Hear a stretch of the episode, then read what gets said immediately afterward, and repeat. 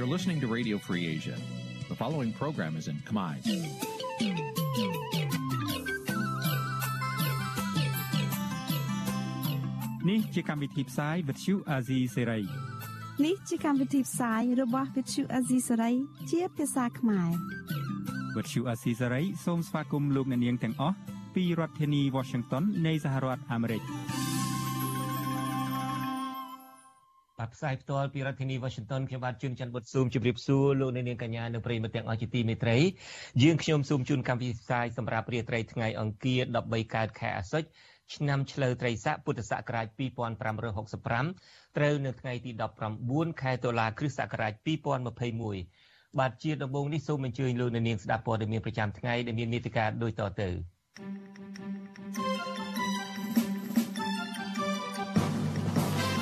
តំណាងស្ត្រីថ្ងៃសុកលោកស្រីព្រំចន្ទថាសោកសង្រេងផ្ទួនផ្ទួន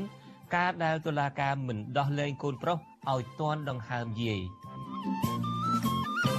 ចំនួនទឹកភ្លៀងនៅតាមខេត្តចាប់ផ្ដើមស្រកនៅសល់តែខេត្តបន្ទាយមានជ័យមួយគត់ដែលប្រឈមការជន់លិចលង់យូរជាងគេ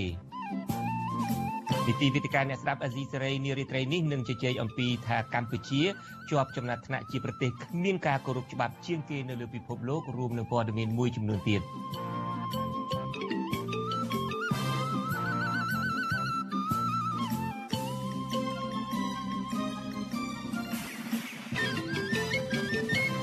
បាទជាបន្តទៅទៀតនេះខ្ញុំបាទជួនច័ន្ទបុតស៊ូមជូនព័ត៌មានទាំងនេះពិស្ដា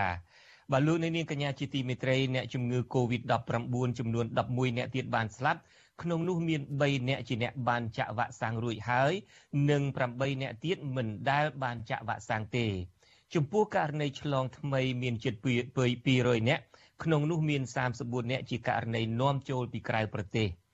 គិតត្រឹមថ្ងៃទី19ខែតុលាកម្ពុជាមានអ្នកកើតជំងឺ Covid-19 ជាង117,000នាក់ក្នុងនោះអ្នកជាសះស្បើយមានជាង110,000នាក់ចំណែកករណីស្លាប់វិញក្រសួងអះអាងថាបានកើនឡើងដល់ជាង2670នាក់ហើយក្រសួងសុខាភិបាលបញ្ជាក់ថាគិតត្រឹមថ្ងៃទី18ខែតុលារដ្ឋាភិបាលបានចាក់វ៉ាក់សាំងជូនពលរដ្ឋដែលមានអាយុចាប់ពី6ឆ្នាំឡើងទៅបានជាង96% ក្នុងចំណោមប្រជាពលរដ្ឋដែលត្រូវចាក់វ៉ាក់សាំងជិត14លាននាក់ក្រសួងសុខាភិបាលបានអំពាវនាវដល់ប្រជាពលរដ្ឋជាពិសេសមនុស្សចាស់ស្ត្រីមានផ្ទៃពោះនិងស្ត្រីបំបៅកូន ដែលមិនទាន់បានចាក់វ៉ាក់សាំងការពារជំងឺ Covid-19 ឲ្យប្រញាប់ប្រញាល់ទៅចាក់វ៉ាក់សាំងឲ្យបានគ្រប់គ្នា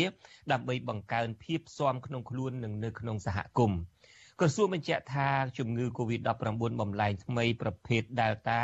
កំពុងតែរាតត្បាតនៅកម្ពុជានៅឡើយ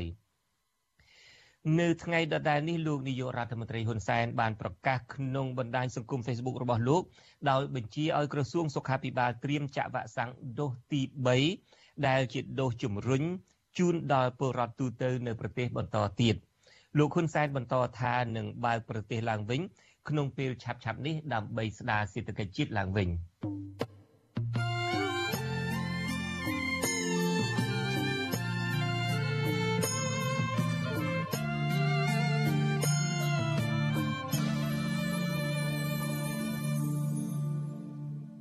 បាទលោកនាងកញ្ញាជាទីមេត្រីតំណាងស្ត្រីថ្ងៃសុកលោកស្រីព្រំចន្ទថាទទួលរងគ្រោះនិងសោកសង្រេងផ្ទួនផ្ទួនគ្នា នៅពេលដែលតឡាការមិនដោះលែងកូនប្រុសរបស់អ្នកស្រីឲ្យមកទាន់ដង្ហើមជីដូនជាលើកចុងក្រោយដែលបានស្លាប់នៅថ្ងៃអង្គារនេះខណៈកូនប្រុសជាអនិតិជន ដែលមានជំងឺអូទីសឹមពីកំណើតកំពុងជាប់ពន្ធនាគារមន្ត្រីសង្គមស៊ីវិលយល់ថាអាញាធរពន្ធនាគារគួរយោគយល់និងជួយសម្រួលឲ្យអ្នកជាប់ឃុំបានជាប់មុខ បានជួបមុខសាច់ញាតិរបស់ខ្លួនដើម្បីបង្ហាញពីទឹកចិត្តកតញ្ញូចំពោះអ្នកមានគុណបាទពីរដ្ឋធានី Washington អ្នកស្រីខែសនងមានសេចក្តីរាយការណ៍អំពីរឿងនេះគ្រួសារសកម្មជនគណៈបកប្រឆាំងមួយទៀតហើយកំពុងសោកសង្រេងជាខ្លាំងក្រោយម្ដាយអាយុ84ឆ្នាំបានស្លាប់ដោយមិនបានជួបមុខកូនប្រុសនិងចៅជាលើកចុងក្រោយខណៈពួកគេកំពុងជាប់ពន្ធនាគារ តំណាងស្ត្រីថ្ងៃសុកដែលតែងតែចេញមុខតវ៉ាទាមទារដោះលែងសកម្មជនគណៈបកសង្គ្រោះជាតិកំពុងជាប់ឃុំគឺលោកស្រីព្រំចន្ទថាថ្លែងប្រាប់វិទ្យុអាស៊ីសេរីថាម្ដាយលោកស្រីដែលត្រូវជាយាយបង្កើតក្មេងប្រុសកសវណ្ណឆៃបានស្លាប់នៅថ្ងៃទី19ខែតុលានៅខេត្តតាកែវលោកស្រីបន្តថាមូលហេតុដែលម្ដាយលោកស្រីធ្លាក់ខ្លួនឈឺធ្ងន់រហូតដល់ស្លាប់បែបនេះគឺដោយសារតែគាត់នឹករលឹកតក់ស្លុតហើយបារម្ភខ្លាចអាញាធរធ្វើបាបចៅប្រុស លោកស្រីថាអ្វីដែលលោកស្រីខ្លោចផ្សាបំផុតនោះគឺម្ដាយរបស់គាត់បានដង្ហោយហៅឈ្មោះកសវណ្ណឆៃមុនពេលស្លាប់លោកស្រីសោកស្ដាយនិងខកចិត្តជាខ្លាំងចំពោះតុលាការក្រុងភ្នំពេញដែលបានលើកពេលប្រកាសសាលក្រមដោយមិនបានដោះលែងកូនប្រុសឲ្យមកទាន់ដង្ហើមយាយ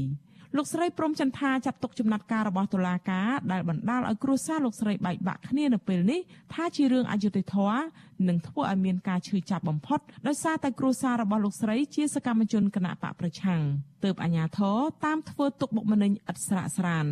ស្ត្រីរូបនេះឲ្យដឹងទៀតថាគាត់បានរងគ្រោះផ្ទួនផ្ទួនដោយសារប្តីនិងកូនជាប់ពន្ធនាគាររីឯម្ដាយក៏ស្លាប់ហើយលោកស្រីត្រូវរស់នៅតែម្នាក់ឯងនៅរាជធានីភ្នំពេញ។ លោកស្រីបដញ្ញាចិត្តថានឹងបន្តសកម្មភាពទាមទារយុត្តិធម៌សង្គមដដែលបើទោះបីជាគាត់ទទួលរងនឹងការធ្វើទុកបុកម្នេញបំផិតបំភ័យយ៉ាងណាក្តីថារឿងការងារដែលខ្ញុំត្រូវតវ៉ានឹងគឺខ្ញុំអត់ឈប់ទេគឺខ្ញុំត្រូវតែតវ៉ារហូតតែមានដំណោះស្រាយជូនប្រជាពលរដ្ឋទាំងមូលនិងជូនក្រុមគ្រួសារខ្ញុំទាំងអស់គ្នានឹងខ្ញុំអត់ថយខ្ញុំមិនចោះចាញ់ខ្ញុំមិនចោះញោមទេនេះអត់កំដៅខ្ញុំកាន់តែខ្លាំងខ្ញុំឈឺចាប់ណាស់ខ្ញុំឈឺចាប់ឲ្យប្រៀប ស្មើបានជីវិតម្ដាយខ្ញុំអត់តក់ស្ទត់ដោយសារចាប់ចៅគាត់ទៅក៏មិនចឹងម្ដាយខ្ញុំក៏មិនស្ដាប់ដែរនេះជាតក់ស្ទត់បំផុតម្ដាយខ្ញុំមានអីម្ដាយខ្ញុំនៅហូបបាយបានទៅសម្រានបានចាប់ចៅចាប់ចៅទៅតក់ស្ទត់ខ្លាំងមែនតើហ្មងលោកស្រីព្រមចន្ទាឲ្យដឹងទៀតថារហូតមកដល់ពេលនេះកូនប្រុសនិងប្តីដែលកំពុងជាប់ឃុំនៅក្នុងពន្ធនាគារព្រៃសរនៅមិនទាន់ទទួលដំណឹងដល់ក្រៀមក្រំនេះនៅឡើយទេ វត្តឈូអេស៊ីសរ៉ៃមិនអាចតាក់ទងแนะនាំពាក្យតុលាការក្រុងភ្នំពេញលោកអ៊ីរិននិងแนะនាំពាក្យអគ្គនាយកដ្ឋានពន្ធនាគារនៃក្រសួងមហាផ្ទៃលោកនុតសវណ្ណាដើម្បីសុំការបញ្ជាក់រឿងនេះបានទេនៅថ្ងៃទី19ខែតុលាទោះជាយ៉ាងណា មន្ត្រីអង្គការសង្គមស៊ីវិលនិងអ្នកច្បាប់រិះគន់អាជ្ញាធរថាមិនគួរដកហូតសិទ្ធិអ្នកជាប់ឃុំមិនឲ្យជួបជុំក្រុមគ្រួសារជាលើកចុងក្រោយនោះទេពួកគេជំរុញឲ្យសមត្ថកិច្ចកែប្រែចំណុចនេះហើយត្រូវផ្ដល់សិទ្ធិដល់អ្នកជាប់ឃុំ។ ប្រធានសមាគមការពារសិទ្ធិមនុស្សអាត់ហុកលោកនីសុខាថ្លែងថាស្ថានភាពបែបនេះគឺជារឿងឈឺចាប់និងសោកសង្រេងបំផុតចំពោះសកម្មជននយោបាយនិងសកម្មជនសិទ្ធិមនុស្សខណៈពួកគេកំពុងជាប់ពន្ធនាគារទាំងអយុធធរដែលធ្វើឲ្យសកម្មជនទាំងនោះព្រាត់ប្រាសក្រុមគ្រួសារដោយមិនបានជួបមុខសាច់ញាតិជាលើកចុងក្រោយលោកយល់ថា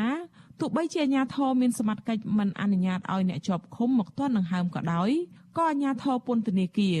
គួរយោគយល់និងជួយសម្រួលឲ្យអ្នកជាប់ឃុំបានជួបមុខសាច់ញាតិរបស់ខ្លួន។តឡាការក៏ដូចជាអាជ្ញាធរយើងចាប់ដាក់ពន្ធនាគារហើយធ្វើឲ្យមានការព្រាត់ប្រាសបែកបាក់គ្រួសារអានេះវាជារឿងមួយដែលសោកសៅបំផុតការព្រាត់ប្រាសនៅក្នុងស្ថានភាពបែបនេះអាចនឹងធ្វើឲ្យក្រុមគ្រួសារគាត់ពិបាកនៅក្នុងការទទួលយកឪពុកនិងកូនជាប់ពន្ធនាគារហើយឥឡូវបែរជាមកជាដូនបានស្លាប់បាត់បង់ជីវិតទៅទៀតហើយមិនបានជួបមុខគ្នាចុងក្រោយទៅទៀតអានេះវាជារឿងមួយដែលសោកសៅបំផុតនៅក្នុងក្រុមគ្រួសាររបស់គាត់ក៏ដូចជាក្រុមគ្រួសារផ្សេងផ្សេងទៀតដែរមន្ត្រីសង្គមស៊ីវិលរូបនេះបញ្ជាក់ថាការដែលតុលាការអូសបន្លាយប្រកាសសាលក្រមលើសំណុំរឿងក្មេងប្រុសកសវណ្ណឆៃបានធ្វើឲ្យប៉ះពាល់ដល់សិទ្ធិរបស់អនិច្ចជនរូបនេះដូច្នេះលោកទទូចដល់តុលាការកំណត់ពេលប្រកាសសាលក្រមឲ្យបានឆាប់ដោយទម្លាក់ចោលនៅបទចោលប្រកាន់ដោះលែងក្មេងប្រុសរូបនេះឲ្យមានសេរីភាពដើម្បីជួបមុខម្ដាយរបស់គេឡើងវិញ ក្មេងប្រុសកសវណ្ណឆៃត្រូវបានអាជ្ញាធររបបលោកហ៊ុនសែនចាប់ខ្លួនកាលពីថ្ងៃទី24ខែមិថុនាក្រោមបទញុះញង់និងប្រមាថមន្ត្រីសាធារណៈពាក់ព័ន្ធនឹងការបញ្ចេញមតិតាមអនឡាញនៅមុនពេលចាប់ខ្លួនក្មេងប្រុសរូបនេះក៏ធ្លាប់បានទទួលរងនឹងការវាយដំពីសំណាក់ជនមិនស្គាល់មុខពីរនាក់បណ្ដាលឲ្យស្រាំឆ្អឹងលលាក្បាលឪពុករបស់កុមាររូបនេះគឺលោកកកគុម្ភា ជាសមាជិកគណៈបកសង្គ្រោះជាតិបច្ចុប្បន្នក៏កំពុងជាប់ពន្ធនាគារតាំងពីខែមិថុនាឆ្នាំ2020មកដោយរងការចោទប្រកាន់ពីបទផ្ដាំគំនិតក្នុងអំពើប្រមាថនិងញុះញង់ឲ្យប្រព្រឹត្តបទឧក្រិដ្ឋជាអាតរីឯម្ដាយរបស់កុមាររូបនេះជាសកម្មជនក្រមស្ត្រីថ្ងៃសុក គឺលោកស្រីព្រំចន្ទថាដែលតែងតែទទួលរងនឹងការវាយដំនិងការប្រមាថពីសំណាក់កងសន្តិសុខក្នុងអំឡុងពេលដែលពួកគាត់ចេញតវ៉ាដោយសន្តិវិធីទាមទារដោះលែងប្តីនិងកូនរួមទាំងសកម្មជនកំពុងជាប់ឃុំដទៃទៀតកុមារកសវណ្ណឆៃមានជំងឺខ្សោយបញ្ញាស្មារតីឬអូទីសឹមពីកំណើត ចាប់តាំងពីរបបក្រុងភ្នំពេញបង្កើនការចាប់ខ្លួនសកម្មជននយោបាយសកម្មជនសង្គមសកម្មជនបរិស្ថានដាក់ពន្ធនាគារមានអ្នកនយោបាយច្រើនអ្នកហើយដែលម្ដាយឪពុកឬសមាជិកគ្រួសារស្លាប់ដោយពួកគេមិនត្រូវបានអនុញ្ញាតឲ្យបានជួបទាន់ដង្ហើមជាលើកចុងក្រោយ មានដូចជាករណីលោកសុនធុនលោកគៀវិសាល លោកគង់ម៉ាស់លោកជុំពុទ្ធី និងលោកសួងសុភ័ណ្ឌជាដើម មន្ត្រីសង្គមស៊ីវិលជាតិនិងអន្តរជាតិនិងក្រុមអ្នកជំនាញសិទ្ធិមនុស្សអង្គការសហប្រជាជាតិបានស្នើយ៉ាងទទូចឲ្យរដ្ឋាភិបាលដោះលែងអ្នកជាប់ឃុំដោយសារបញ្ហានយោបាយនិងសិទ្ធិមនុស្សទាំងនេះវិញនិងត្រូវបញ្ឈប់ការធ្វើទុកបុកម្នេញលើពួកគេតទៅទៀតចា៎នាងខ្ញុំខែសុណងវុទ្ធុអាស៊ីសេរីរាយការណ៍ពីរដ្ឋធានី Washington បាទលោកនាងកញ្ញាជាទីមេត្រីប៉ុន្មានឆ្នាំចុងក្រោយនេះកម្ពុជាទទួលចំណាត់ថ្នាក់ជាប្រទេសដែលសឹងតែគ្មានការគោរពច្បាប់បន្តិចណាសោះនៅលើពិភពលោកយើងនេះនៅឆ្នាំ2021នេះក្នុងចំណោមប្រទេស139ដែលគេបានសិក្សាស្រាវជ្រាវកម្ពុជាទទួលបានចំណាត់ថ្នាក់លេខ138រដ្ឋាភិបាលកម្ពុជាមិនទទួលយកការចាត់ថ្នាក់នេះទេដោយសំអាងថាការគោរពច្បាប់នៅកម្ពុជា មិនអាក្រក់ជាងប្រទេស កុម្មុយនីសឬប្រទេសកាន់អំណាចផ្ដាច់ការនានានៅលើពិភពលោកនោះឡើយនិងថាមិនអោយតម្លៃដល់របាយការណ៍ដែលរដ្ឋាភិបាលចាត់ទុកថាមាននិន្នាការនយោបាយមិនឈរលើវិជ្ជាជីវៈនិងក្រមសីលធម៌បែបនេះឡើយទោះជាយ៉ាងណាក៏ដោយចាប់តាំងពីឆ្នាំ2016មកគឺ5ឆ្នាំជាប់ជាប់គ្នាហើយដែលស្ថាប័នអន្តរជាតិស្រាវជ្រាវអំពីការអនុវត្តច្បាប់នៅប្រទេសនានាលើពិភពលោក មានឈ្មោះថាគម្រោងយុតិធធម៌ពិភពលោក World Justice Project បានផ្ដល់ពិន្ទុឲ្យកម្ពុជាសឹងតែទៀបជាងគេបង្អស់គឺចំណាត់ថ្នាក់លេខ2រាប់ពីក្រោមក្នុងចំណោមប្រទេសជាង100ក្នុងពិភពលោកទាំងមូលតើការដែលកម្ពុជាបានក្លាយជាប្រទេសមួយក្នុងពិភពលោកដែលសឹងតែមិនមានការគោរពច្បាប់សោះបែបនេះអាចប៉ះពាល់ទៅដល់ការរីកចម្រើនសេដ្ឋកិច្ចឬប៉ះពាល់ដល់ការរស់នៅរបស់ពលរដ្ឋយ៉ាងណា ចុះតើអ្នកខ្លាំមើលស្ថានភាពនយោបាយនិងសង្គមវិញយល់បែបណាដែរបាទសូមអញ្ជើញលោកអ្នកនាងរងចាំតាមដានស្ដាប់និងចូលរួមក្នុងនីតិវិទ្យាអ្នកស្ដាប់វិទ្យុអេស៊ីសេរីដែលនឹងពិភាក្សាអំពីរឿងនេះនាពេលបន្តិចទៀតនេះសូមអរគុណ thank you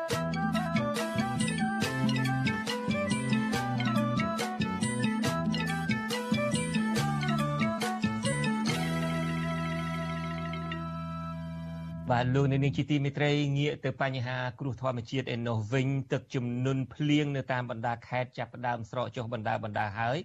នៅសល់តែខេត្តបន្ទាយមានជ័យដែលប្រឈមការជន់លិចលង់យូរជាងគេ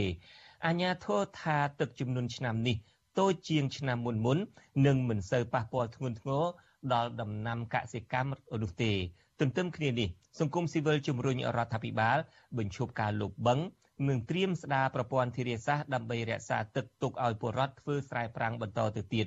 បាទពីរដ្ឋធានី Washington លោកមានរិទ្ធមានសេចក្តីរាយការណ៍អំពីរឿងនេះ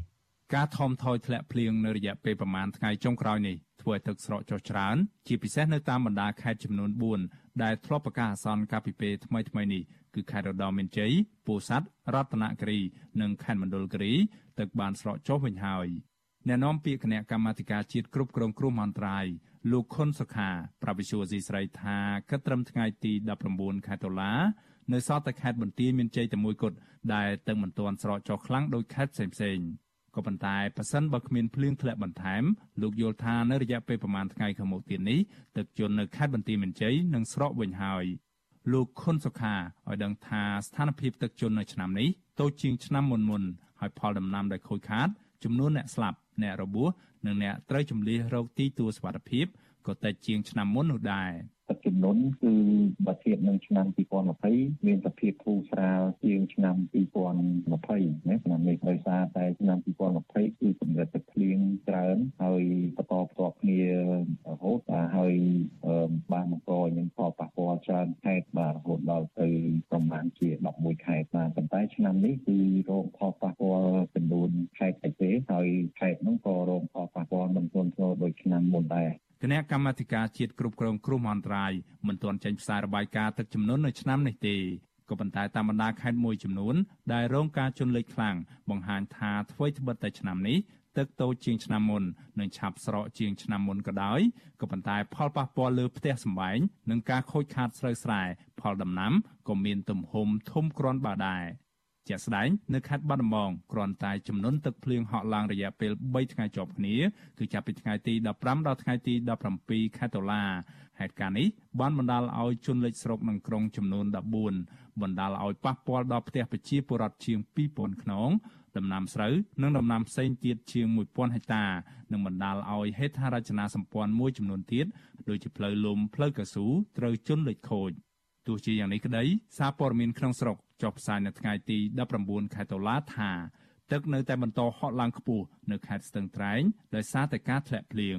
ក្នុងនោះទឹកនៅទន្លេមេគង្គទន្លេសេសាន ទន្លេសេកុងនិងទន្លេស្រែពកក៏ហក់ឡើងដែរចំណែកឯស្ថានភាពទឹកនៅខេត្តបន្ទាយមានជ័យនៅវិញក៏នៅត្រឹងមិនស្រកដែរ កសិករម្នាក់នៅស្រុកមង្គលបុរីខេត្តបន្ទាយមានជ័យលោកវ៉ាន់សុយអ៊ីវឲ្យដឹងថាស្ថានភាពទឹកឡើងជាង1ខែមកហើយបណ្ដាលឲ្យស្រូវរបស់លោកប្រមាណ10ហិកតារលួយខូចអស់បច្ចុប្បន្នលោកបានដាក់ប្លង់ផ្ទះទៅតម្កល់នៅធនាគារដើម្បីស្នើសុំខ្ចីលុយបន្ថែមទៀតយកមកធ្វើទុនសម្រាប់ធ្វើស្រែប្រាំង លោកវ៉ាន់សុយអ៊ីវឲ្យដឹងថាលោកគ្មានជំរើសអ្វីក្រៅពីធ្វើស្រែនោះទេដូច្នេះលោកនឹងបថុយប្រឋានធ្វើស្រែប្រាំងមួយសារនេះទៀតក្រែងបានលុយយកមកដោះបំណុលធនាគារឡើងវិញទាំងមុននិងក្រោយ អូនិយាយពីដល់កនិយាយពីស្លាប់ទៅធនាគារអស់មានជំរឿអីទេបើយើងអត់ធ្វើក៏វាមានអីសងគេបើយើងធ្វើទៅថាប្រសិនជាបានសងគេទៅឆ្នាំនេះអត់ឃើញសិនមានថាគឺថាជួយអីជួយអីអត់មានទេឆ្នាំមុនគេឲ្យពូចម្នាក់មួយក្រុងពូខ្ញុំ30បាវសម្គ្រប់ឲ្យមួយក្រុង50គីឡូឆ្នាំនេះអត់អត់ឃើញមានអីផងមន្ត្រីសង្គមស៊ីវិលថាការជន់លិចខ្ទង់មួយខែមកនេះបណ្ដាលឲ្យប្រជាពលរដ្ឋធ្លាក់ចុះជីវភាពលំបាកទ្វេដងខណៈពលរដ្ឋកំពុងរងគ្រោះនៅវិបត្តិជំងឺ Covid-19 ស្រាប់ ប្រធានសមាគមពង្រឹងសេដ្ឋកិច្ចក្រៅប្រព័ន្ធកម្ពុជាលោកដិនពុទ្ធីឲ្យដឹងថាតំបន់មួយចំនួននៅក្នុងខេត្តបន្ទាយមានជ័យទឹកបានស្រកអស់ហើយដូចជានៅក្រុងប៉ោយប៉ែតជាដើមក៏ប៉ុន្តែលោកថានៅតាមបណ្ដាស្រុកជាច្រើនទៀតទឹកនៅមិនទាន់ស្រកនោះទេលោកដិនពុទ្ធីព្រួយបារម្ភថាប៉ះសិនបើស្ថានភាពទឹកនៅតែជន់លិចទៀតនោះហេតុការណ៍នេះនឹងបណ្ដាលឲ្យប៉ះពាល់ដល់ជីវភាពពលរដ្ឋធ្ងន់ធ្ងរ លោកលើកទឹកចិត្តឲ្យអាជ្ញាធរគ្រប់ជាន់ថ្នាក់បន្តផ្ដល់ស្បៀងអាហារនិងទំនុកបំរុងដល់ប្រជាពលរដ្ឋដែលរងផលប៉ះពាល់បន្ថែមទៀតព្រោះពេលនេះពលរដ្ឋនៅមិនទាន់អាចចេញទៅប្រកបរបរបាននៅឡើយទេមន្ត្រីអង្គការសង្គមស៊ីវិលរូបនេះសង្កេតឃើញថាមានមូលហេតុចំនួន2ដែលបណ្ដាលឲ្យទឹកជន់លិចរាល់ឆ្នាំគឺទឹកភ្លៀងនិងទឹកហូរធ្លាក់ពីប្រទេសថៃមកកម្ពុជា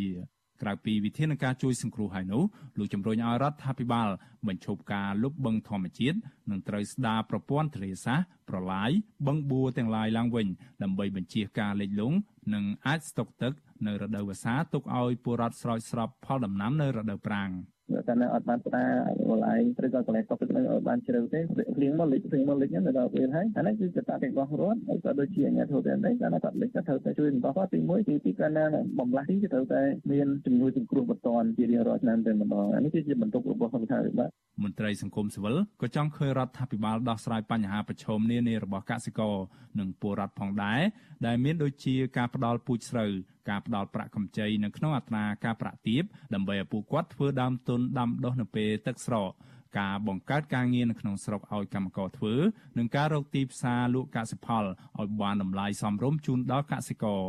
មន្ត្រីអង្គការសង្គមស៊ីវិលនិងកសិករបារម្ភថាប៉ះសិនបើអាជ្ញាធរពាក់ព័ន្ធមិនដោះស្រាយវិបត្តិចំដែលនេះទេនោះពលរដ្ឋនឹងមានជីវភាពកាន់តែដុនដាបជាពិសេសគឺបំណុលវ័នក ហើយពួកគេត្រូវប្រឈមនឹងការរឹបអូសផ្ទះសម្បែងនិងការបោះបង់មុខរបរក្នុងស្រុកហើយចំណាក់ស្រុកទាំងបថុយប្រឋានទៅរកការងារធ្វើនៅក្រៅប្រទេសខ្ញុំបាទមេរិត Visual C ស្រី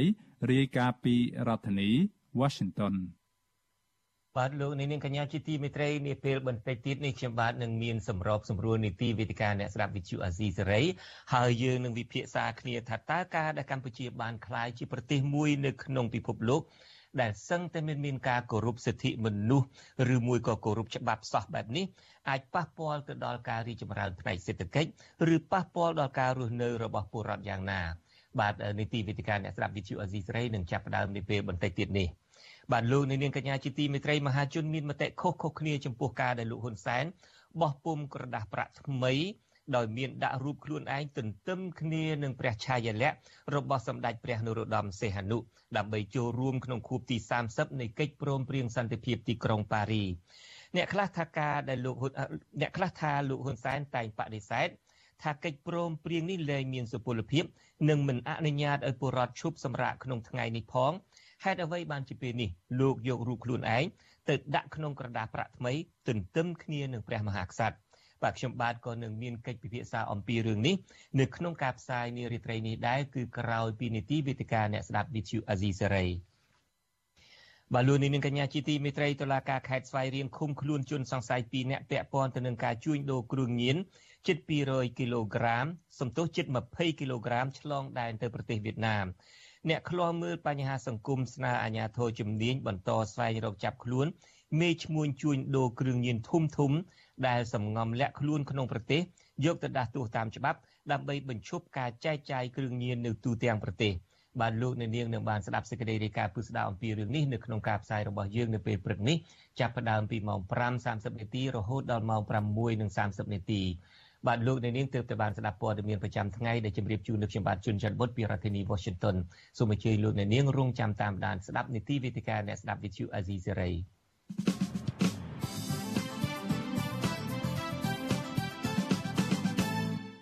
បាទជាបន្តទៅទៀតនេះគឺជានីតិវិទ្យាអ្នកស្ដាប់វិទ្យុអាស៊ីសេរី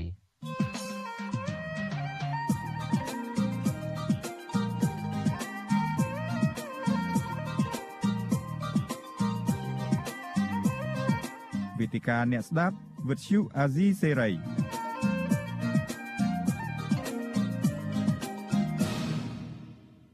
បាទលោកនាងកញ្ញាជាទីមេត្រីប៉ុន្មានឆ្នាំចុងក្រោយនេះកម្ពុជាទទួលចំណាត់ថ្នាក់ថាជាប្រទេសដែលសឹងតែគ្មានការគោរពច្បាប់បន្តិចណាសោះ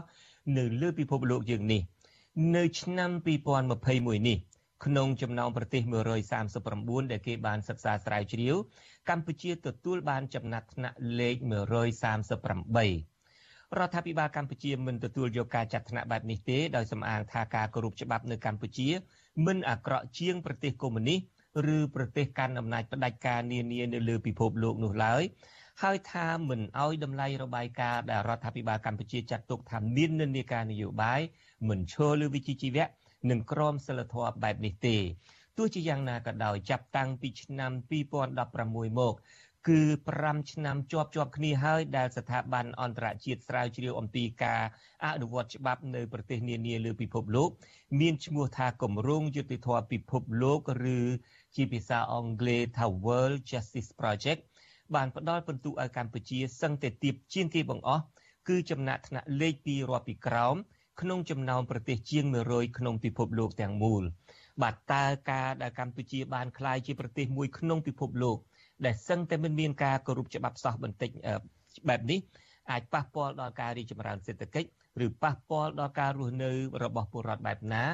ហើយតើអ្នកវិភាគអ្នកឃ្លាំមើលបញ្ហានយោបាយនិងសង្គមមានយោបល់បែបណាដែរបាទយើងនឹងពិភាក្សាអំពីរឿងនេះដែលមានការចូលរួមពីវាគ្មិនពីររូបដែលរស់នៅក្រៅប្រទេសទី1គឺ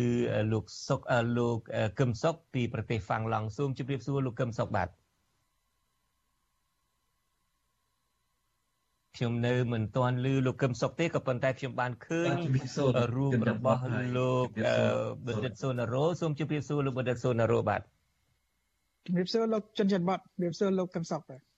បាទលោកជំរាបសួរលោកកឹមសុខបើខ្ញុំមិនទាន់បានឃើញនៅឡើយទេលោកកឹមសុខបើឃើញសូមឆ្លើយផងបើឮឆ្លើយផងបាទឃើញខ្ញុំរនៅបាទជំរាបសួរបាទបាទជំរាបសួរបាទ អឺខ្ញុំចង់ចាប់ផ្ដើមកិច្ចពិភាក្សានេះដោយដាក់សំណួរមុនគេទៅលោកកឹមសុខពីព្រោះថាការដែលលោកកឹមសុខបានមកនៅប្រទេសហ្វាំងឡង់នេះការពិតនឹងគឺមកពីលោកកឹមសុខនឹងត្រូវលោកហ៊ុនសែននឹងចាប់ដាក់ពន្ធនាគារម្ដងហើយនៅពេលដែលលោកកឹមសុខនិយាយប៉ះពាល់អឺថាអ្នកដែលសម្លាប់លោកកែមលីនោះគឺប៉ះពាល់ដល់រដ្ឋាភិបាលបន្ទាប់មកទៀតនៅពេលដែល តឡាការនឹងបានដោះលែងលោកកឹមសុខមកនឹងលោកកឹមសុខនឹងត្រូវលោកហ៊ុនសែនចាប់ដាក់គុកគឺត្រៀមនឹងចាប់ដាក់គុកហើយត្រៀមនឹងឲ្យសងលុយប្រមាណលានរៀលទៅទៀតនឹងដែលហេតុថាលោកកឹមសុខថាប្រទេសកម្ពុជានឹងជាប្រទេសមិនមែននីតិរដ្ឋទេមិនមែនជាប្រទេសគោរពច្បាប់ទេគឺជាប្រទេសនីតិមាត់ អញ្ចឹងហើយបាទខ្ញុំចង់អញ្ជើញលោកកឹមសុខមកតាមពិតលោកកឹមសុខនឹងនិយាយអំពីថាប្រទេសកម្ពុជានឹងជាប្រទេសដែលច្បាប់ទៅនៅលើមាត់នឹងយូរមកហើយតាំងពីសឹងតែទន្ទឹមគ្នានឹងការផ្សាយរបស់ការស្រាវជ្រាវរបស់ World Justice Project នេះទៅទៀតគម្រោងយុត្តិធម៌ពិភពលោកនេះតទៅទៀត នៅពេលដែលលោកឃើញសក្តីរាយការណ៍ទៅប្រទេសកម្ពុជានឹងគឺទៀបជាងគេបង្អស់សឹងតែទៀបជាងគេបង្អស់នៅលើតែប្រទេសមួយទេគឺនៅលើប្រទេសវេណេស៊ុយអេឡាគឺ6ឆ្នាំ5ឆ្នាំជាប់ជាប់គ្នាហើយជាប្រទេសដែលគ្មានច្បាប់អ្វីទាំងអស់តើលោកកឹមសុខយល់បែបណាដែរចំពោះសក្តីរាយការណ៍បែបនេះវិស៊ីទៅនឹងអ្វីដែលលោកវាយតម្លៃដែរឬមួយក៏មកដល់ពេលនេះលោកមានការប្រែប្រួលអីបែបណាដែរចំពោះការវិតម្លៃលើការគោរពច្បាប់នៅប្រទេសកម្ពុជា នៅតែនីតិមាត់ដដែលទេឬមួយយ៉ាងម៉េច ខ្ញុំមើលឃើញនៅតែនីតិមាត់ដដែលទេទី1ទី2ខ្ញុំសិក្សាអំពីរបាយការណ៍ហ្នឹងមិនលំអិតប្រមាណទេក៏ប៉ុន្តែចំណាយពេលច្រើនម៉ោងដែរដើម្បីអានរបាយការណ៍របាយការណ៍នេះខ្ញុំជឿជាក់បានបើទោះបីជាមិន100%ក៏99%ដែរពីព្រោះមានចំណុចជាច្រើនបង្ហាញពីភាព ច្បាស់លាស់ជារបៀបធ្វើការបែបវិជ្ជាជីវៈរបស់អឺ World Justice Project ហ្នឹងទីមួយខ្ញុំក៏សម្គាល់ឃើញគេប្រើរហូតដល់340សំណួរនោះដើម្បីសួរនាំអំពីស្ថានភាពនៃប្រទេសមួយក្នុងនោះ127សំណួរហ្នឹងគឺសួរសម្រាប់អ្នកដែលមើលស្ថានភាពអ្នកដែលគ្រាន់តែឃើញស្ថានភាពផ្ទាល់ឧបមាថា សួរខ្ញុំសួរលោកបណ្ឌិតសូណារ៉ូសួរអ្នកផ្សេងផ្សេងទៀតអញ្ចឹងណាប៉ុន្តែ213សំណួរទៀតគឺគេសួរទៅលើសំណួរដែលមានលក្ខណៈជាពិសោធន៍ដូច្នេះគ្រប់ស្ថានភាពដែលកើតនៅក្នុងប្រទេសមួយហ្នឹងទំនងជាមិនចន្លោះទេបើយើងឆ្លើយទៅនឹង340សំណួរហ្នឹងណាបាទ ចំណុចទី2គេស្រាវជ្រាវរហូតទៅដល់138,000គ្រួសារផ្ទះនោះមានន័យថាក្នុងប្រទេសមួយមួយបើយើងយកមកចែកនឹង139ប្រទេសហ្នឹងគឺជិត1000ផ្ទះក្នុងប្រទេសដែលគេស្រាវជ្រាវហ្នឹងដូច្នេះអាចប្រមូលបានព័ត៌មាន ច្បាស់លាស់សមរម្យគួរសមគួរជាទីទុកចិត្តហើយ ហើយគេប្រើរហូតទៅដល់4200នៅលើពិភពលោកហ្នឹង4200ប្រតិបត្តិការឬក៏អ្នកជំនាញដែលធ្វើការស្រាវជ្រាវហ្នឹងហើយប្រតិបត្តិការជំនាញហ្នឹងបើយើងចែកជាមធ្យមសម្រាប់ប្រទេសមួយមួយហ្នឹងរហូតដល់30ទៅហើយដូច្នេះវាគ្រប់ជ្រុងជ្រោយអ្នកសង្កេតការណ៍នានាអ្នកធ្វើកិច្ចការជំនាញនៅក្នុងប្រទេសហ្នឹងរឿងអីដែលយើងមិនអាចជឿជាក់បាន ហើយយើងមើលលទ្ធផលវិញលទ្ធផលនៅក្នុង139ប្រទេសនេះណាខ្ញុំមើលអង្គុយមើលតាំងពីដើមដល់ចប់មកមានតែ2ប្រទេសប៉ុណ្ណោះ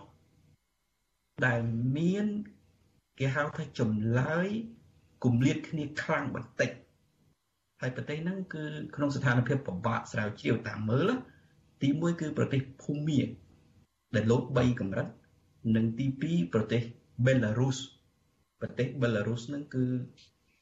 កំពុងតែធ្វើបាតុកម្មប្រឆាំងទៅនឹងការបោះឆ្នោតប្រធានាធិបតីកាន់6អាណត្តិដែរហើយគឺបាតកម្មមួយឆ្នាំ4ខែហើយបើគិតមកដល់ពេលបច្ចុប្បន្នណាគឺមានតែប្រទេសពីរនឹងទេដែលមានគម្លាតលោតបន្តិចខុសគេបន្តិចអំពីគេហៅថា score change បានន័យថាប្រភពមួយផ្ដល់ចម្លើយ ប្រៀបធៀបនឹងប្រភពមួយផ្សេងទៀតវាមានលក្ខណៈខុសគ្នាបន្តិចណាប៉ុន្តែចំនួន130ប្រទេសទៀតរួមទាំងប្រទេសកម្ពុជាផងអត់មានគម្លាតអីច្រើនទេមានន័យថាស្ទើរតែគ្មានភាសាគណិតវិទ្យាវិញមានមុខវិជ្ជាមួយគេថា operation research វាស្ទើរតែគ្មានចំណុចទាស់គ្នាដូច្នេះអាចទទួលយកបាន 130ប្រទេសទៀតចំណែក7ប្រទេសទៀតបង្ហាញអំពីគម្លាតនឹងមិនច្បាស់លាស់ក្នុងនោះគេអត់ដាក់ទិន្នន័យទេទើបខ្ញុំមិនអាចអត្ថាធិប្បាយបានណាម្ល៉េះហើយបើយើងពិនិត្យមើលអំពីរបាយការណ៍ហ្នឹងមិនដឹងថាបដិសេធយ៉ាងម៉េចណាបដិសេធយ៉ាងម៉េចនឹងកើតទៅមិនរួច ម្ល៉េះហើយលោកកឹមសុខប៉ុន្តែទោះជាយ៉ាងណាក៏ដោយលោករៀបរាប់ថាការពិតនឹងគឺថាមានការធ្វើស្រាវជ្រាវនឹងច្បាស់លាស់មានមូលដ្ឋានច្បាស់លាស់ណាស់ប៉ុន្តែយ៉ាងណាក៏ដោយនឹងរដ្ឋាភិបាលកម្ពុជានឹងគឺតែងតែឆ្លើយមកថាវាមិនអាក្រក់ដូចគេចាត់ទុកនោះទេហើយថាការដែលធ្វើនេះគឺថាមាននិន្នាការនយោបាយលំអៀងហើយគ្មានវិជ្ជាជីវៈអីជាដើមនេះគឺជាប្រសាសន៍របស់លោកផៃសិផានប្រធានក្រុមអ្នកណែនាំពាក្យរបស់ក្រមទីប្រឹក្សារបស់រដ្ឋាភិបាលកម្ពុជាសូមអញ្ជើញស្ដាប់ប្រសាសន៍របស់លោកថៃសិផានឆ្លើយតបទៅនឹងការលទ្ធផលស្រាវជ្រាវរបស់ World Justice Project នេះបន្តិចបាទរបាយការណ៍គ្រាន់តែជាមាននិន្នាការនយោបាយហើយបញ្ចេញមតិផ្ទាល់ខ្លួនយើងមិនដែលឲ្យតម្លៃទេថាមិនថាតែសម្ដែងជារឿងប្រកបហើយបញ្ហាទី2យើងបានបញ្ជាក់ជំរាបជូនប្រជាពលរដ្ឋយើងច្បាស់ អ្វីដែលថាយើងខំប្រឹងប្រែងកសាងសង្គមមួយសង្គមនីតិរដ្ឋហ្នឹងគឺយើងខំប្រឹងប្រែងគឺសង្គមនីតិរដ្ឋហ្នឹងប្រកបដោយការទទួលខុសត្រូវយើងមិនជាចង់ឲ្យមកកោតសរសើរឬលើកដំកើងចាប់ចៃមករបស់យើងទេគឺយើងគោរពនៅវិជ្ជាជីវៈធ្វើឲ្យទៅតាមប្រកបវិជ្ជាជីវៈយើងគោរពហើយដែលប្រកបដោយដែលក្រមសីលធម៌ มันគឺយើងយកឯកគំនិតនេះយកមកឯពិចារណាឬការអនុវត្តពីព្រោះរដ្ឋាភិបាលនេះជារដ្ឋាភិបាលស្ដាប់យើងយកមតិពីនេះពីនោះមកដើម្បីកសាងឯសង្គមមួយដែលជាសង្គមឯកភាពគ្នានោះមកយើងធ្វើដូច្នេះហើយបានយើងបានលទ្ធផលរហូតដល់ពេលនេះគឺយើងបានសន្តិភាពនៅផ្ទៃក្នុងរបស់កម្ពុជាយើង បាទនេះគឺជាប្រសាសន៍របស់លោកផៃស៊ីផានប្រធានក្រុមអ្នកណែនាំពាក្យរដ្ឋាភិបាលកលឹះជាសំខាន់របស់លោកផៃស៊ីផានមានប្រសាសន៍នឹងដូចខ្ញុំបានរៀបរាប់ចឹងគឺថាมันអាចទទួលយកបានទេជាការចុះផ្សាយការរបាយការណ៍មួយដែលមិនមិនមានភាពត្រឹមត្រូវជារបាយការណ៍មួយការស្រាវជ្រាវមួយមាននិន្នាការនយោបាយ ហើយលោកថារដ្ឋាភិបាលរបស់លោកនេះរដ្ឋាភិបាលដែលលោកកំពុងធ្វើការនេះគឺជារដ្ឋាភិបាលស្ដាប់ ជារដ្ឋាភិបាលដែលពោពេញទៅដោយសង្គមដែលមានឯកភាពគ្នាអីជាដើមអឺលោកបណ្ឌិតសូណារ៉ូសំណួររបស់ខ្ញុំបាទពីរទៅលោកតើលោកឃើញថាការដែលវាយតម្លៃ5 6ឆ្នាំជាប់ជាប់គ្នាកម្ពុជានៅបាតតារាងនេះស្ដីពីការគោរពច្បាប់នេះ តើសំរុំឬមួយក៏តើទៅតាមវិជ្ជាជីវៈទៅតាមក្រមសិលធម៌ឬទេនេះសំណួរទី1ហើយសំណួរទី2ខ្ញុំបាទចង់ឲ្យលោកសូណារ៉ូតបជាមួយនឹងលោកផៃសិផានតិចមើលនៅពេលដែលលោកមានប្រសាសន៍ថាកម្ពុជាជាសង្គមជារដ្ឋាភិបាលលើនេះជារដ្ឋាភិបាលស្ដាប់មតិគ្រប់គ្នា ជារដ្ឋាភិបាលមួយដែលជាសង្គមមួយជាសង្គមឯកភាពគ្នានេះជាដើមនោះតើលោកមានយោបល់បែបណាដែលសូមជួយលោកបណ្ឌិតសូណារ៉ូបាទ បាទអរគុណណាស់ជាបឋមសូមជម្រាបសួរប្រិមិត្តវិទ្យុអាស៊ីសេរីទាំងអស់ហើយដើម្បីឆ្លើយតបចំនួននេះយើងបានឃើញជារឿយរឿយគឺថាមិនរឿយរឿយឯងសឹងតែរៀរាល់ថ្ងៃគឺអ្នកនាំពាក្យរដ្ឋាភិបាលអ្នកនាំពាក្យក្រសួងយុតិធធអ្នកនាំពាក្យអាជ្ញាធរសិទ្ធិមនុស្សឬក៏ស្អីស្អីបរដ្ឋាភិបាលហ្នឹងគឺតែងតែនិយាយដដែលដដែលអំពី នីតិរដ្ឋបាទគេថាគេជាសង្គមដែលប្រកបដោយនីតិរដ្ឋអញ្ចឹងប៉ុន្តែដល់ទៅពេលឆ្លុះបញ្ចាំងជាមួយនឹងលំដាប់ចំណាត់ថ្នាក់ពិភពលោកនៃអង្គការគេហៅថា World Justice Project នេះយើងឃើញថាអឺគួរឲ្យអណោចធមណាគឺលំដាប់លេខគឺថាចុងពោចជារៀងរាល់ឆ្នាំតែម្ដងគឺហើយបើសិនជាហៅថាលំអៀងនយោបាយក៏មិនត្រូវដែរពីព្រោះថាមានប្រទេស អង្គការនេះគឺពិតគឺជាអង្គការនៅសហរដ្ឋអាមេរិកក៏មានមូលដ្ឋានធំនៅសហរដ្ឋអាមេរិកក៏ប៉ុន្តែវាយតម្លៃទៅលើសហរដ្ឋអាមេរិកក៏វាយតម្លៃដោយភាពតឹងតែងបំផុតដែលអាមេរិកមានលំដាប់លេខ27បានន័យថាមិនមែនលំដាប់លេខ1លេខ2ទេលេខ1លេខ2ប្រទេសដាល់ម៉ាក់ប្រទេសណូវេសប្រទេសស្អីស្អីផ្សេងផ្សេងសិង្ហបុរីផ្សេងនោះអញ្ចឹងហើយយើងឃើញថាមានប្រទេសច្រើនណាស់ ដែលនៅក្នុងនេះគឺគេបានវាយតម្លៃមិនមែនលើមូលដ្ឋានហើយ139ប្រទេសយើងឃើញពិភពលោកមានរហូតដល់200ប្រទេសអញ្ចឹងនៅសល់រហូតដល់ប្រហែល60ប្រទេសទៀតក៏មិនទាន់បានវាយតម្លៃដោយសារអាចជាឧទាហរណ៍ដូចប្រទេសកូរ៉េខាងជើងប្រទេសគុយបាសិតតែប្រទេសដែលគេមិនអនុញ្ញាតឲ្យមនុស្សចូលទៅក្នុងការវាយតម្លៃនឹងបានទេចូលទៅក្នុងការធ្វើហៅថាស្ទង់មតិរាប់ពាន់នាក់ ឬក៏សួរសំណួរចំពោះអ្នកដែលឆ្លើយឆ្លងឬក៏អ្នកវាយតម្លៃវិភាគសង្គមអីនេះគឺអត់អត់បានទេអញ្ចឹងហើយអាចបើសិនជាបូកសរុបបន្ថែមជាមួយនឹងប្រទេសកូរ៉េខាងជើងប្រទេសគុយបាប្រទេសដទៃទៀតដែលមានរហូតដល់180ឬ200ប្រទេសហ្នឹងកម្ពុជា ក៏ក្នុងលំដាប់លើពួកនឹងបន្តិចតួចក៏អាចថាបានដែរប៉ុន្តែ ជាទូទៅគឺប្រទេសដែលឧទាហរណ៍ដូចអាហ្វហ្គានីស្ថានដែលគេឃើញថាជារបបតាលីបង់អីនេះតាលីបង់ទៅចូលកាន់អំណាចមិនបានមួយខែពីរខែនេះទេអញ្ចឹងហើយគេវាយតម្លៃនេះគឺវាយតម្លៃ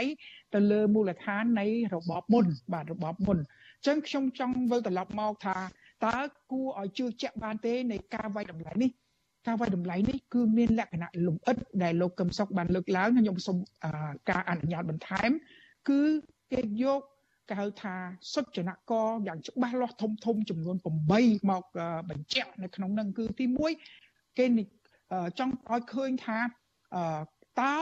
គេអាចទប់ស្កាត់បានចំណុចទី1ហ្នឹងគេវាយវិភាគមើលតើអាចទប់ស្កាត់បាននៅអំណាចរដ្ឋាភិបាលឬអត់ឧទាហរណ៍ដូចជារដ្ឋសភា ទប់ស្កាត់រដ្ឋអំណាចរដ្ឋាភិបាលអត់នៅស្រុកខ្មែរយើងយើងដឹងហើយតុលាការទប់ស្កាត់អំណាចរបស់ហ៊ុនសែនរដ្ឋាភិបាលហ៊ុនសែនអត់អង្គការ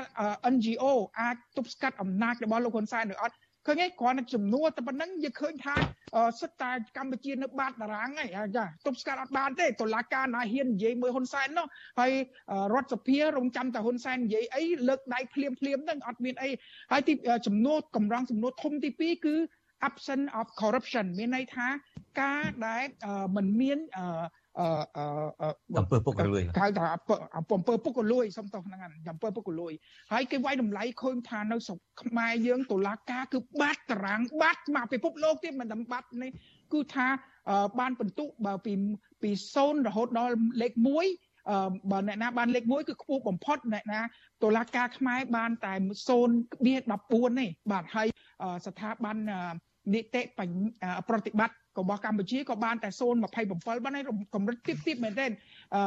ពួកទាហានប៉ូលីសគឺថា022មានន័យថាកម្រិតទៀបណាស់មានន័យថាមានអំពើពុករលួយខ្លាំងខ្លាណាពួកនឹងប្រើប្រាស់អំណាចរបស់រដ្ឋដើម្បីកេងយកពុករលួយពេលយកអីណាចឹងចំណុចទី3គេអំពីការបើកចំហរដ្ឋាភិបាល Open Government មានន័យថា ការផ្សព្វផ្សាយព័ត៌មានរបស់រដ្ឋាភិបាលសិទ្ធិទទួលព័ត៌មានសិទ្ធិទទួលព័ត៌មានរបស់ក្រសួងខ្មែរមានកម្រិតទាបយកមែនទែនមានព័ត៌មានគេលាក់ការគេគ្រប់បែបយ៉ាងឧទាហរណ៍ដូចបញ្ហាបរិស្ថានអញ្ចឹងគឺក្រុមហ៊ុនកាប់បំផ្លាញព្រៃឈើគេលាក់ព័ត៌មានអីគ្រប់បែបយ៉ាងអញ្ចឹងហើយដល់ទៅពេលក្មេងៗទៅទៅបញ្ចេញព័ត៌មានទាំងអស់ហ្នឹងដើម្បីឲ្យមហាជនដឹងឮបែរជាទៅចាប់ចងគ្នារករឿងពួកក្មេងបរិស្ថានអីជាដើមហើយឬក៏ អំពីប្រព័ន្ធ complaint mechanism មានន័យថាយន្តការនៃការទទួលពាក្យបណ្ដឹងអីរបស់កម្ពុជានឹងមានភាពទន់ខ្សោយមែនទែនឬមួយក៏ទទួលពាក្យបណ្ដឹងនឹងដោយមិនមានចាត់ចាត់ការឧទាហរណ៍ជាពិសេសគឺអង្គការកៅថាមកឆាំងអំពើពុករលួយ របស់អមយន្ទាងឯជាដើមហ្នឹងទទួលពាក្យបណ្ដឹងមិនដែរមិនដែរចាត់ការទេមិនដែរហើយអ្នកខ្លះក៏មិនហ៊ានទៅដាក់ពាក្យបណ្ដឹងទៀតផងរឿងពុករលួយធំធំមិនដែរចាត់ការចាត់ការតែពុករលួយណាដែលពាក់ព័ន្ធនឹងបកប្រឆាំងពាក់500ដុល្លារចាប់គ្នាដាក់គុកប្រហែលខែប្រហែលឆ្នាំគឺថាពួកនេះគឺថាធ្វើការគឺដោយដោយលំអៀងសុទ្ធសាធហើយចំណុចទី4គឺគេវាយតម្លៃទៅលើ fundamental rights បានន័យថាសិទ្ធិរបស់គេហៅថា ជាជាមូលដ្ឋានឧទាហរណ៍ដូចជាមិនមានការរើសអើងមិនមានការរើសអើងហ្នឹងកម្ពុជាមានការរើសអើងខ្លាំងខ្លាណាស់ជាពិសេសគឺរើសអើងនយោបាយមិនមែនរើសរើសអើងពូជសាសន៍ក៏មានខ្លះដែរក៏ប៉ុន្តែរើសអើងនយោបាយគឺជារឿងធំឲ្យតបៈប្រឆាំងគឺថាត្រូវគេរើសអើងគ្រប់បែបយ៉ាងហើយចំណុចនេះក្នុងចំណុចសិទ្ធិនេះសិទ្ធិនៃការ បញ្ចេញមតិគឺធ្លាក់កម្រិតទាបមែនទែនគេឲ្យតែ0.29 29នៃបន្ទុកសិទ្ធិនៃប្រទូ privacy បានសិទ្ធិនៃឯកជនភាពគឺបាត់តារាងនៅក្នុងកម្រិតដែលហៅថាបាត់ពិភពលោកហ្មងដែលសិទ្ធិឯកជនភាពនេះមានន័យថាកម្ពុជាយើងនិយាយទូរស័ព្ទក៏អត់មានសវត្ថភាព គេលួចស្ដាប់គេលួចធ្វើបាបគេលួចអីគ្រប់បែបយ៉ាងដូចរបបខ្មែរក្រហមតាំងពីសម័យមុនដែលពួកក្មេងៗកូនកងឆ្លូបវិលប់ លួចស្ដាប់គេហើយនិយាយសាសងអីអាវាយកករឿយការទៅហើយរួចហើយយកទៅយកទៅអញ្ចឹងហើយយើងថ្មីថ្មីនេះយើងឃើញចាក់ស្ដែងអង្គប្រជុំ Zoom លោកនាយករដ្ឋមន្ត្រីហ៊ុនសែនគាត់ចូលស្ដាប់អីហ្នឹងគឺថាគឺគឺកំរោលតែម្ដងគឺគឺរំលោភសិទ្ធិឯកជននេះកំលំដាប់ទៀបបំផុតក្នុងពិភពលោកដែលខ្ញុំមើលបន្ទូបានតែ0.12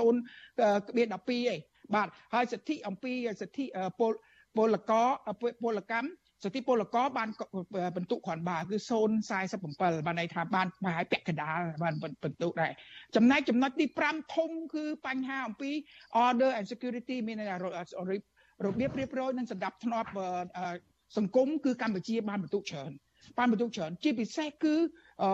អំពីការ absence of crime បានន័យថាអំពីអក្រិតកម្មកម្ពុជាបានបន្ទុករហូតដល់0.83បានតែចិត្តកំពូលបានន័យថា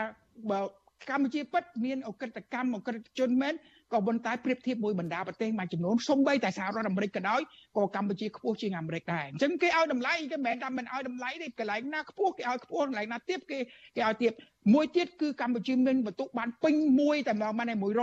ងគឺ absence of civil conflict បានន័យថាអត់មានចំនួនផ្នែក civil ទេបានន័យថាចំនួនក្នុង civil សង្គមក្នុងគេហៅ civil ហ្នឹងគឺ គេគឺគេរដ្ឋបវេនីហ្នឹងគឺគេឲ្យគេថាបន្ទុកពេញហ្មងបាទអញ្ចឹងបើថាមិនមែនគេបន្ទុកណាក៏គេឲ្យបន្ទាបដែរមានទុកកន្លែងណាខ្ពស់គេត្រូវហិញខ្ពស់តែហ្មងបាទចំណុចចំណុចទី6ធំនៃការវាយតម្លៃរបស់គេគឺអំពីការអនុវត្តច្បាប់ ការអនុវត្តច្បាប់នេះតើមានប្រសិទ្ធភាពឬអត់គេឲ្យបន្ទុកទៀបមែនទែនហើយអត់មានមានការចេះឥទ្ធិពលទៅលើអ្នកអំណាចក្នុងការអនុវត្តច្បាប់ឬអត់ក៏បន្ទុកទៀបណាស់ដែរក៏ប៉ុន្តែអ្វីដែលបន្ទុកទៀបបំផុតក្នុងផ្នែកនេះគឺមិនគោរពតាមនីតិវិធី បានន័យថាភាពយឺតយ៉ាវគឺបាត់តារាងតែម្ដងបានន័យថារឿងត្រូវចាត់ការមិនចាត់ការទុកអស់បន្លាយដើម្បីស៊ីលុយស៊ីកាក់ស៊ីអីហ្នឹងបាទអញ្ចឹងហើយរឿងពុកលួយដែលវា ទាញឲ្យកម្ពុជាទៀបជាងគេហ្នឹងគឺក៏ពាក់ព័ន្ធជាមួយចំណុចនេះដែរចំណុចទី7និងទី8គឺនៃសំណួរដែលធំធំហ្នឹងកម្រងសំណួរហ្នឹងគឺគេនិយាយលម្អិតចូលទៅរឿងហៅថា civil justice និង criminal justice មានន័យថាយុត្តិធម៌ខាងផ្នែករដ្ឋបវេនីនិងយុត្តិធម៌ខាងផ្នែកព្រំប្រទានហើយរឿងនេះយើងដឹងថាមានជាពិសេសគឺពាក់ព័ន្ធតុលាការនិង corruption ហ្នឹងឯងគឺពុកកលួយនេះ បន្ទុកបានតែ0 12គ្មាន12ឯងមានន័យថាទៀបខ្លាំងមែនតើបានន័យថាប្រព័ន្ធយុតិធធកម្ពុជាគឺស៊ីលុយយ៉ាងសាហាវមិនធំតែមិនឯករាជ្យទេហើយពុកលួយទៀតអឺទទួលអធិបុលពីអ្នកនយោបាយផងហើយពុកលួយទៀតហើយអញ្ចឹងហើយរួចហើយមានការអូសបន្លាយនៃការកាត់សេចក្តីកាត់ក្តីឬក៏មានការរើសអើងនយោបាយក្នុងការកាត់សេចក្តីកាត់ក្តីតាមតុលាការ ចឹងយើងឃើញថាមិនមែនគេវាយតម្លៃនៅលើរួមរួមទស្សនវិជ្ជារួមរួមឯគេលំអិតមួយមួយព្រោះថាគេយកបន្ទុកទាំងអស់ហ្នឹងយកមកបូកហើយចំចែកគ្នាទៅឃើញថាកម្ពុជា បាត់តារាងជារៀងរាល់ឆ្នាំតែម្ដងអញ្ចឹងអំពីអំនួតអំពីនៃការកម្ពុជាជាប្រទេសនីតិរដ្ឋនីតិរដ្ឋបានសម្រាប់តែក្រមពួកអ្នកមានអំណាចដែលមានលុយទេចំណែកអ្នកដែលអត់អំណាចនិងអត់លុយគឺនីតិមាត់បាទ បាទដូច្នេះខ្ញុំបាទសូមស្លេះតំណឹងសិននៅមានសំណួរទី2ទៀតប៉ុន្តែដែលលោកមិនបានឆ្លើយប៉ុន្តែគ្រាន់តែខ្ញុំចង់ចូលរួមបន្តិចប៉ុណ្ណឹងដូច្នេះបើតាមយោបល់លោកគឺនៅពេលដែលសិក្សាស្រាវជ្រាវអំពីវិធីស្រាវជ្រាវវិធីតាមដានវិធីវាយតម្លៃរបស់គម្រោងយុទ្ធធម៌ពិភពលោកនេះលោកបានលើកឡើងហើយថាទាំងលោកកឹមសុខទាំងលោកបណ្ឌិតសូណារ៉ូថាមានការវាយតម្លៃមានសូចនាករនឹងច្បាស់លាស់ណាស់ជាពិសេសលោកបណ្ឌិតសូណារ៉ូបានលើកឡើងអំពីសូចនាករដែលជាភាសាអង់គ្លេសថា indication ឬមួយ index នឹងមានដល់តែ8លោកបានរៀបរាប់ហើយទី1គឺគេពិនិត្យមើលថាតើប្រព័ន្ធដឹកនាំរដ្ឋាភិបាលនឹងមានការ ត្រួតពិនិត្យមាន check and balance ពីសភាពីតុលាការពីស្ថាប័នពីសង្គមស៊ីវិលអីទេគេឲ្យតម្លៃទៅរឿងហ្នឹងទី2ទៀតគេវាតម្លៃថាតើមានអំពើពុករលួយឬគ្មានអំពើពុករលួយទេហើយគេមើលតតាំងតើតើមន្ត្រីនឹងប្រើប្រាស់តំណែងរបស់ខ្លួននៅក្នុងជួរ ក្នុងការកាន់អំណាចរបស់ខ្លួននឹងតើប្រើប្រាស់អំណាចរបស់ខ្លួនដើម្បីយកប្រយោជន៍ផ្ទាល់ខ្លួនទេគេយកប្រយោជន៍ផ្ទាល់ខ្លួនទេតើសមាជិកសភានឹងយកតំណែងរបស់ខ្លួននឹងដើម្បីគេយកប្រយោជន៍ផ្ទាល់ខ្លួនទេដូច្នេះគេវាយតម្លៃទី2នឹងគឺគេវាយតម្លៃទៅលើអង្គើពុករលួយគេវាយតម្លៃអំពីថាតើរដ្ឋាភិបាលនឹងបើកចំហទេមានព័ត៌មានដល់ប្រជាពលរដ្ឋទេ ហើយមាន7មាន5ចំណុចទៀតដែលធ្វើឲ្យមានចំណុចដែលគេយកមកសិក្សានឹងគឺដល់8ចំណុចខ្ញុំនឹងមិនរៀបរាប់ឡើងវិញទេដូច្នេះជាសង្ខេបលោកបណ្ឌិតសូណារ៉ូតើព្រមព្រៀងជាមួយនឹងលើកគឹមសុខថាតើការវិតម្លៃនេះសំរុំត្រឹមត្រូវដែរទេតាមមួយម៉ាត់យ៉ាងខ្លីអឺខ្ញុំសឹងបន្ថែមឆ្លើយចំពោះសំណួរដែលលោកមកអភ័យបានគាត់លើកលើកឡើងអំពីថារដ្ឋាភិបាលស្ដាប់ ប៉ុន្តែក្នុងការវាយតម្លៃនៅចំណុចទី3ធំ right to information បានថា right បានថាព័ត៌មានផ្ដល់ឲ្យប្រជាពលរដ្ឋបានន័យរដ្ឋាភិបាលចង់ស្ដាប់ប្រជាពលរដ្ឋតើឲ្យព័ត៌មានពលរដ្ឋឲ្យស្រួងស្ដាប់ស្ដាប់គឺបន្ទុកធ្លាក់ទៀបដែលខ្ញុំបានជម្រាបហ្នឹងគឺទៀបមែនទែន022ឯងបានន័យថាมันបានពាក់កដាលផងអញ្ចឹងមានន័យថារដ្ឋាភិបាលមិនស្ដាប់ទេមិនមែនរដ្ឋាភិបាលស្ដាប់ទេស្ដាប់តែអ្វីដែលពីរោះតិចអ្វីដែលលើកបច្ចើបច្ចើអ្វីដែលថាអរគុណសន្តិភាពអរគុណស្អីហ្នឹងក្រៅពីហ្នឹងឲ្យតានិយាយរិះគន់និយាយប៉ះពាល់គឺថាសិតតាពួកអូទៀមសិតតាពួកហៅថាក្រៅច្បាប់ពួកស្អីស្អីចឹង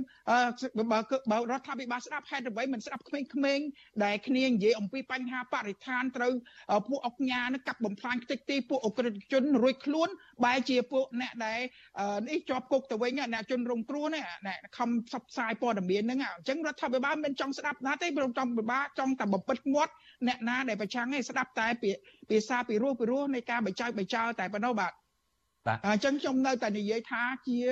មិនមែននីតិរដ្ឋទេខ្ញុំនៅតែយល់ព្រមថានីតិមាត់មានន័យថាមាត់ក៏ប៉ុន្តែយើងត្រូវយល់ថាមាត់ ក៏មានពេលខ្លះត្រូវមានពេលខ្លះខុសដែរមិនមែនមិនមែនខុសទាំងអស់បើមាត់ពលពតគឺខុសច្រើនណាស់ពីព្រោះមាត់ពលពតវាផ្ដាច់ការហួសហេតុវាឈួតលីលាវាប៉ារ៉ាណយហើយអញ្ចឹងវានិយាយអីក៏ខុសវាធ្វើអីក៏ខុសវាបញ្ជាស្អីក៏ខុសសម្រាប់មនុស្សច្រើនតែមាត់ហ៊ុនសែនយើងទទួលស្គាល់ថាគាត់ក៏មានសុភវិនិច្ឆ័យក្នុងរឿងខ្លះហើយរឿងខ្លះគឺគាត់ក៏ហៅថាអាចប្រើពាក្យថា crazy ទៅចោះគាត់ថាជាមួយនឹងបច្ចឋានអីអីឬក៏មុខមាត់ឬក៏បញ្ហាអីអញ្ចឹង មានពេលខ្លះនីតិមាត់របស់គាត់ពេលខ្លះត្រូវពេលខ្លះមិនត្រូវហើយពេលខ្លះខុសយ៉ាងធ្ងន់ធ្ងរនីតិមាត់របស់លោកហ៊ុនសែនត្រូវបាន3មើលលោកសុនរោបាទត្រូវឧទាហរណ៍ដែលគាត់និយាយអំពីបញ្ហាសន្តិភាពវាមិនខុសទេអ្នកណាក៏ចង់បានសន្តិភាពប្រទេសកម្ពុជាយើង30ឆ្នាំ40ឆ្នាំរងគ្រោះដោយ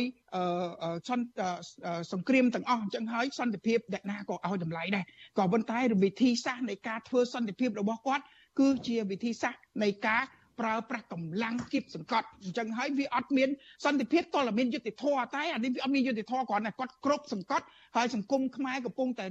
កម្រិតទៀបខ្លាំងណាឈានទៅឡើងដល់កម្រិតមួយខ្លាយទៅជាប្រទេសមធ្យម income គេហៅថា lower income ហើយ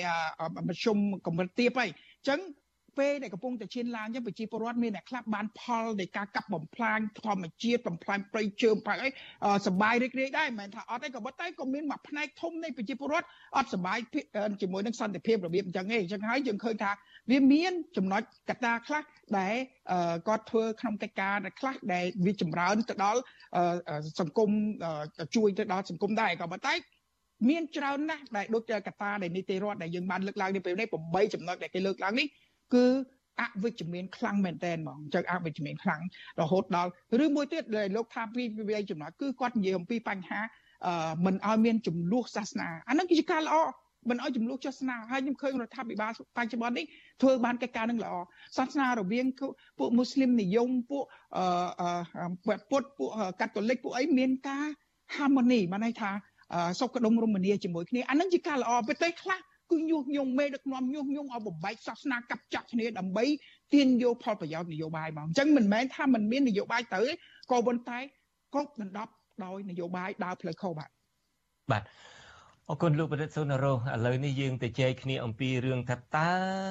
ការដែលកម្ពុជាคล้ายទៅជាប្រទេសមួយ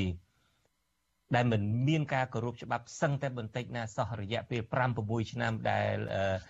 អ្នកស្រាវជ្រាវលំដាប់ពិភពលោកអ្នកច្បាប់រាប់ពាន់រាប់រយអ្នកដែលសិក្សាហើយដែលដើរទៅសម្ភាសហើយលទ្ធផលឃើញដដែលជាដដែលតាំងពីឆ្នាំ2016មកថាជាប្រទេសមួយដែលមិនមានការគោរពច្បាប់សោះបែបនេះ តើវាអាចប៉ះពាល់ដល់ការរីកចម្រើនសេដ្ឋកិច្ចប៉ះពាល់ដល់ជីវភាពរស់នៅរបស់ប្រជាពលរដ្ឋបែបណាដែលទៅ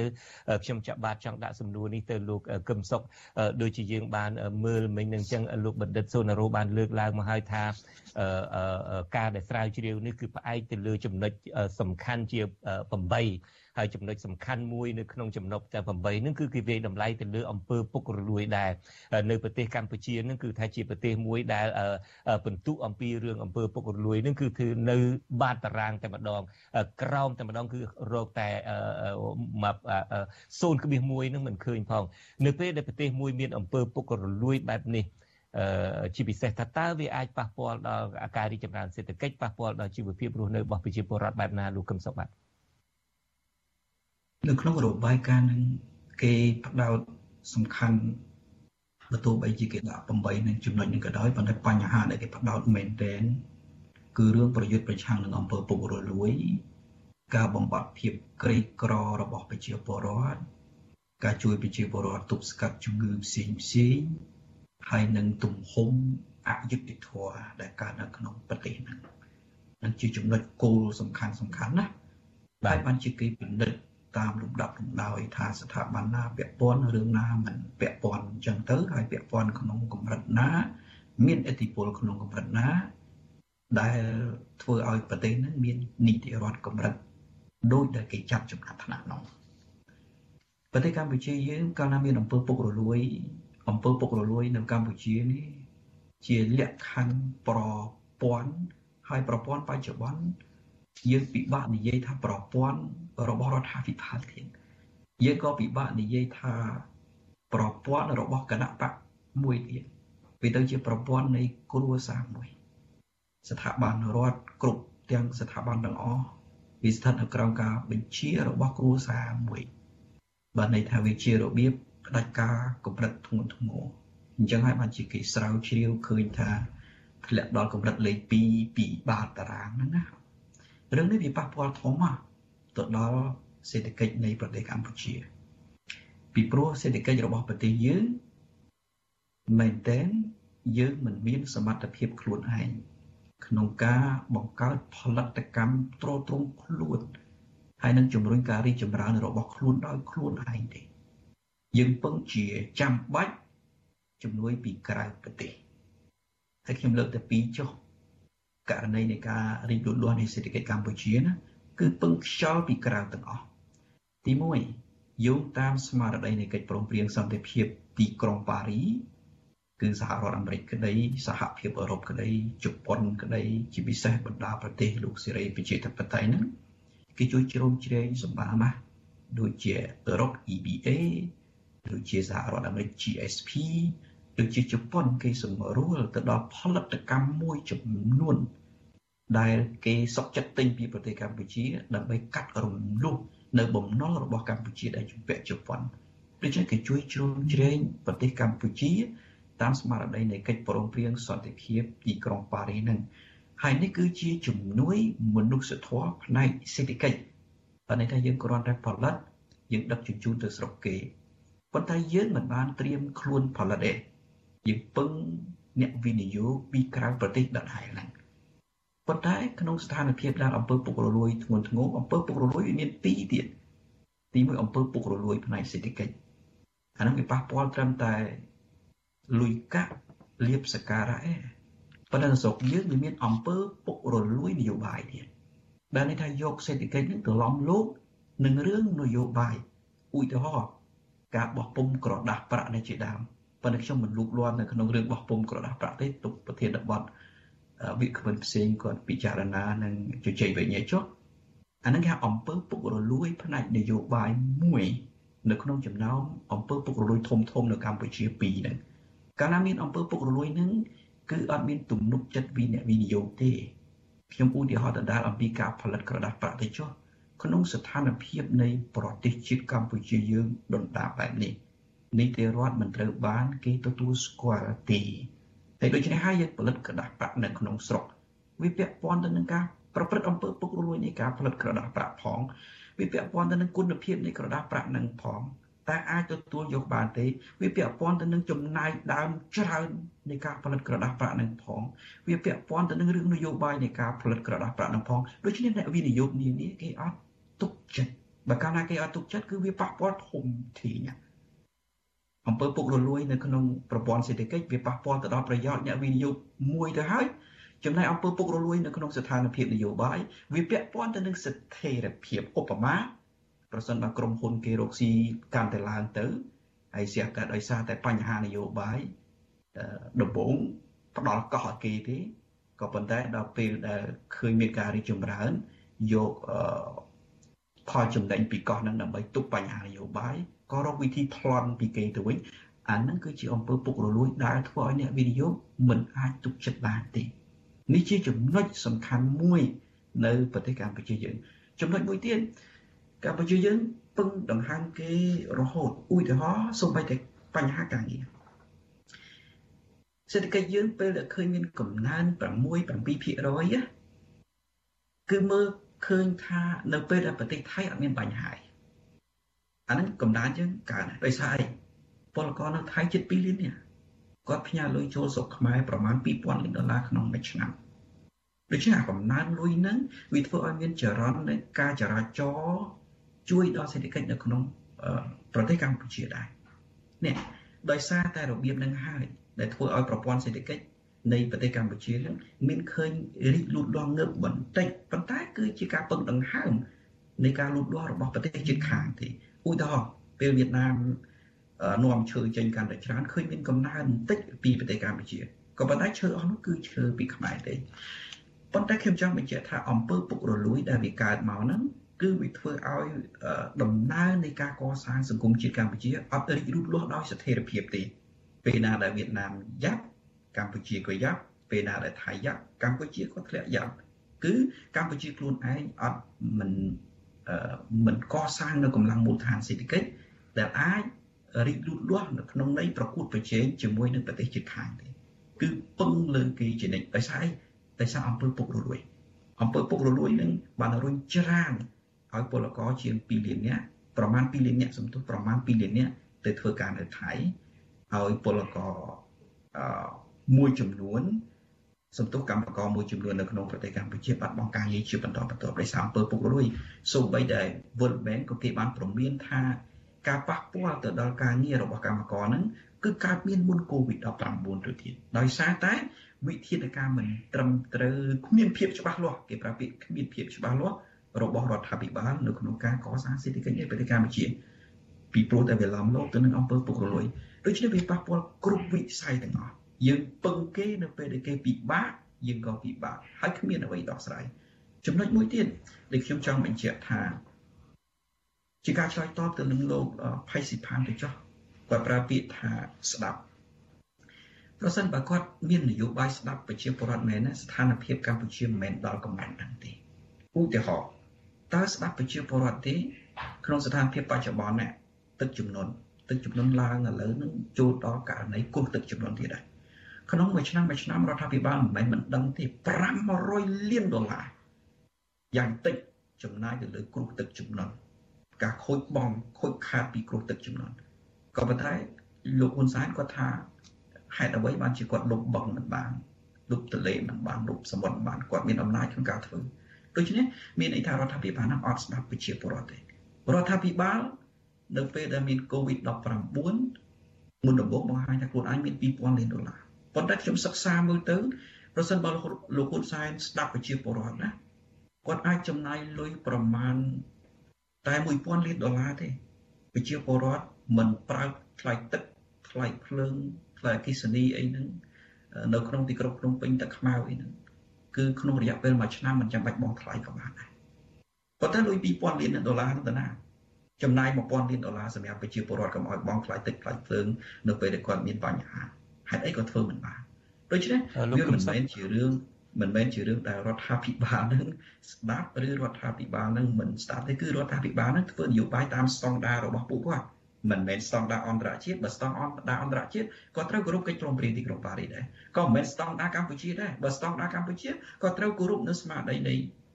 រដ្ឋធម្មនុញ្ញឆ្នាំ1993ដែរបាទអរគុណអរគុណលោកកឹមសុខ តាមពិតជក់ចិត្តស្ដាប់ណាស់ក៏ប៉ុន្តែ